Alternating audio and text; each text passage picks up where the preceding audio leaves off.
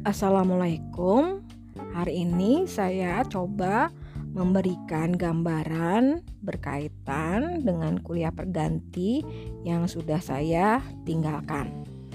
Nah, saya hanya ingin mengingatkan kepada teman-teman bahwa materi untuk ujian akhir semester itu seluruh materi.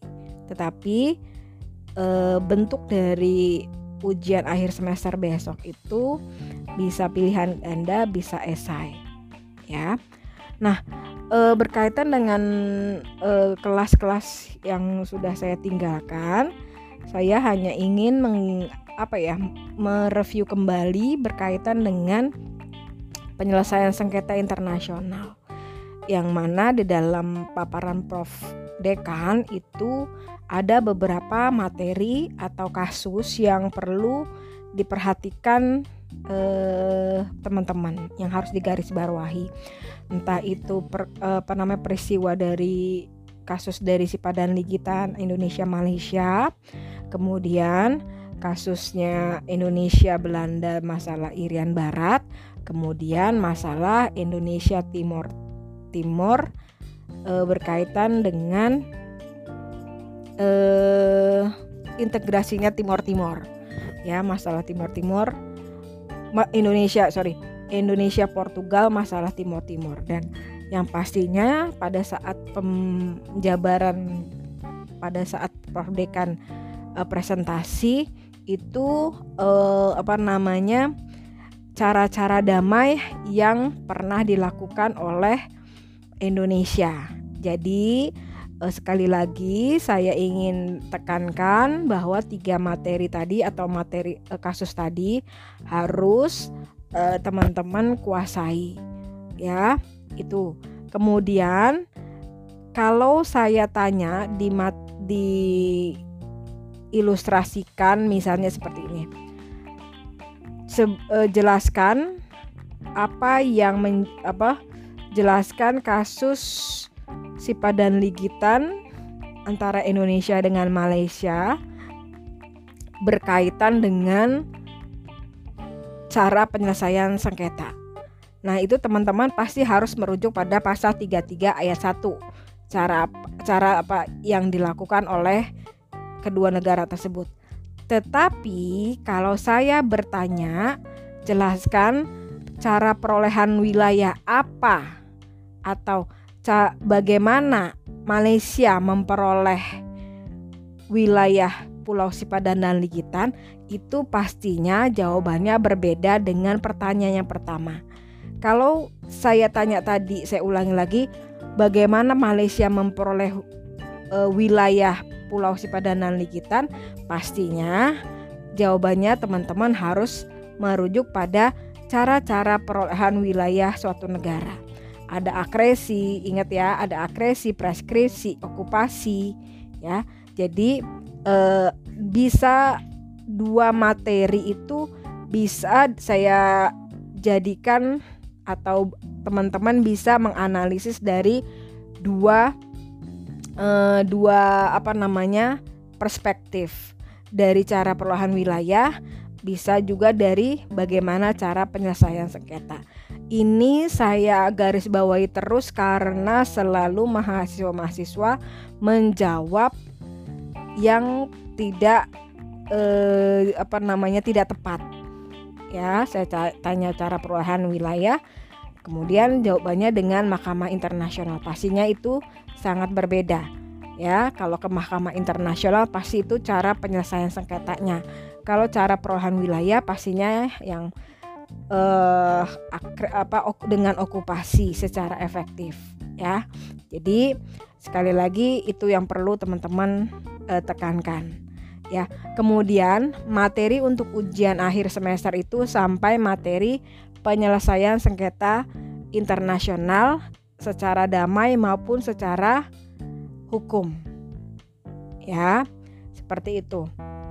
Kemudian ya, kemudian di dalam eh, materi-materi yang sudah saya berikan itu yang harus digarisbawahi itu dari materi pertama.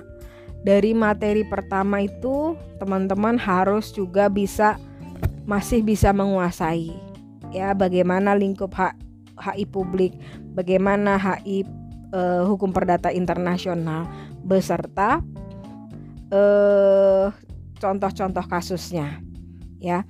Kemudian teman-teman harus ingat bagaimana wujudnya hukum internasional umum, regional, khusus ya. Itu benar-benar teman-teman harus uh, clear, paham ketika ada apa namanya contoh-contoh ya simulasi-simulasi yang saya ajukan ya jadi eh, di dalam kayak sepertinya saya kecenderungannya untuk mengadakan materi itu eh, ujian itu dengan cara pilihan ganda. Misalnya saya akan mengajukan 10 100 pertanyaan ya. 100 pertanyaan pilihan ganda dengan waktu tertentu ya.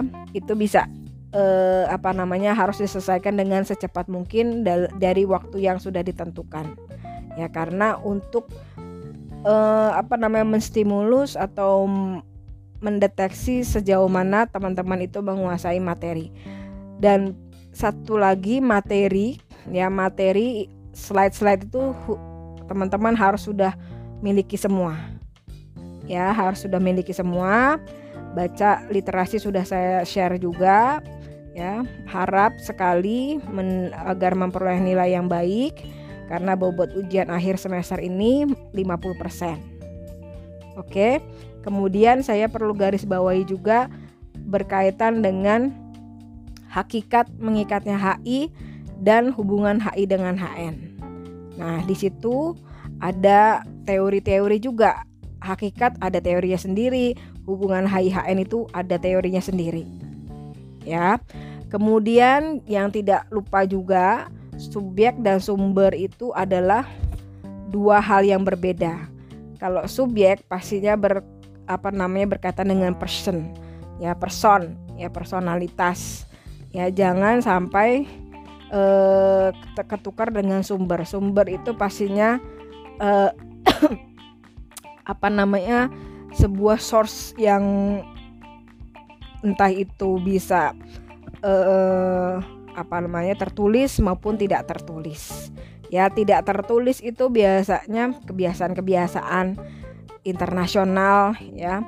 Kemudian kalau yang tertulis bisa perjanjian internasional yang bisa berupa konvensi, piagam segala macam. Dan teman-teman juga pasti harus paham juga tuh bagaimana bentuk-bentuk perjanjian-perjanjian internasional ya. Jadi uh, sekali lagi yang perlu diperhatikan slide-slide-nya juga dibaca, dipahami.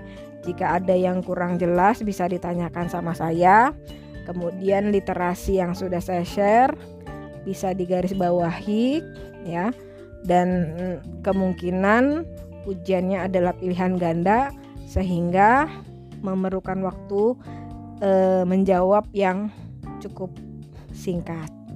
Begitu saja kuliah tambahan atau pengganti yang saya berikan untuk hari ini agar menjadi perhatian teman-teman semua. Terima kasih. Mohon maaf lahir batin. Wassalamualaikum.